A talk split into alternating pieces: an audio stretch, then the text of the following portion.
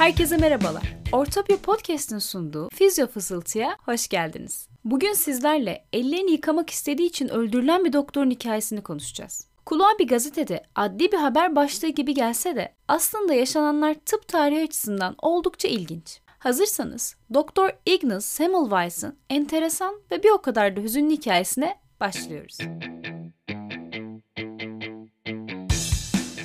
Semmelweis 1818 yılında Macaristan'da doğdu. Tıp eğitimini bitirdikten sonra Viyana'da bir kadın doğum kliniğinde göreve başladı. Çalıştığı hastanede iki kadın doğum kliniği vardı. Bunlardan biri Semmelweis'in rol aldığı klinik. Diğeri de ebelerin daha fazla rol aldığı bir başka klinikti. O sıralar Avrupa'da lohusa humması denen bir hastalık oldukça yaygın görülüyordu. Bu hastalık sonucu birçok anne doğum sonrasında hayatını yitiriyordu. Hastaneye gelen kadınların çoğu ebelerin rol aldığı klinikte doğum yapmak istiyorlardı. Çünkü bunun için oldukça önemli bir sebepleri vardı. Doktorların çalıştığı klinikteki doğum sonrası anne ölüm oranları %10'lardayken ebelerin ağırlıkta olduğu klinikte %4'ün altındaydı. Bu belirgin fark nedeniyle halk arasında hastanede doğum yapmanın lanetli olduğu bile yayılıyor. Öyle ki bazı kadınlar doğum yapmadan önce hastaneden bile kaçıyorlarmış. Aynı yerde bulunan iki klinikte bu kadar ciddi bir ölüm oranı farkı olması Doktor Semmelweis'ı rahatsız etmekteydi ve kendisi bu durumun sebeplerini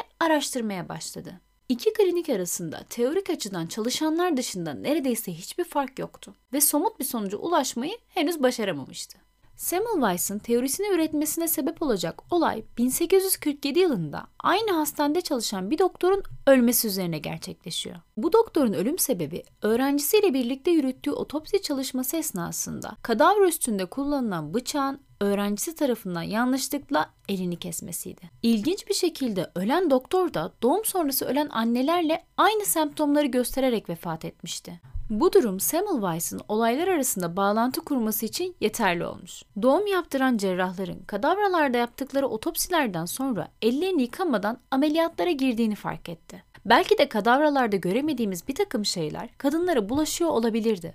Hatta bu düşüncesi için elleri kalsiyum hipoklorit solüsyonu ile yıkamak gibi bir çözüm önerisi bile geliştirdi. Neden böyle bir çözüm önerisi sundu diye soracak olursanız, bahsettiğimiz solüsyon kokan kadavra kokusunu gidermede oldukça etkili. Semmelweis bu solüsyonun ölümlere sebep olan o bilinmeyen maddeyi de temizleyebileceğini düşünmüş. Bu önerisi sayesinde bulunduğu klinikteki ölüm oranlarını 7 ay içinde %10'lardan %1'lere kadar indirmeyi başarmış. Mikroskobun icadıyla mikroorganizmalar 1670 yılında keşfedilmeye başlansa da bu canlıların açıkça hastalıkları neden olduğu bilgisi ancak 1880 sonrasında Robert Koch'un araştırmalarıyla ortaya çıkacaktı. Bu nedenle 1860'lı yıllarda mikroorganizmaların hastalık yapıcı etkisinden haberdar olmayan Semmelweis, teorisi için bir türlü ikna edici bir kanıt sunamadı. Hatta tıp camiası tarafından büyük bir tepkiyle karşılandı. Hekimler hastalarını öldürmekle suçlandıklarını ve hakaret uğradıklarını öne sürerek bu görüşe şiddetle karşı çıktılar. Gerek bu dışlanma, gerekse de başka siyasi nedenlerden ötürü Semmelweis çalıştığı klinikten ayrılmak zorunda kaldı. Uzun bir zaman boyunca teorisini genel kitleye yaymaya çalıştı. Her ne kadar bazı doktorlar tarafından desteklense de genel anlamda hep bir itirazla karşılaştı. Zamanla ikna çalışmaları giderek agresif bir tutum almaya başladı. Dönemin önemli hekimlerine yolladığı mektuplarda onları birer katil olmakla bile suçladı. Bu dönemde ailesi de karakterinin tamamen değiştiğini düşünüyorlardı. Bu davranış bozuklukları sebebiyle bir akıl sağlığı kliniğine yatırılması düşünüldü. Kliniğe sadece ziyaret için gidiyoruz diye düşünen Semmelweis asıl amacı anlayınca direnmeye çalıştı. Ancak akıl hastanesi güvenliği tarafından dövülerek etkisiz hale getirildi.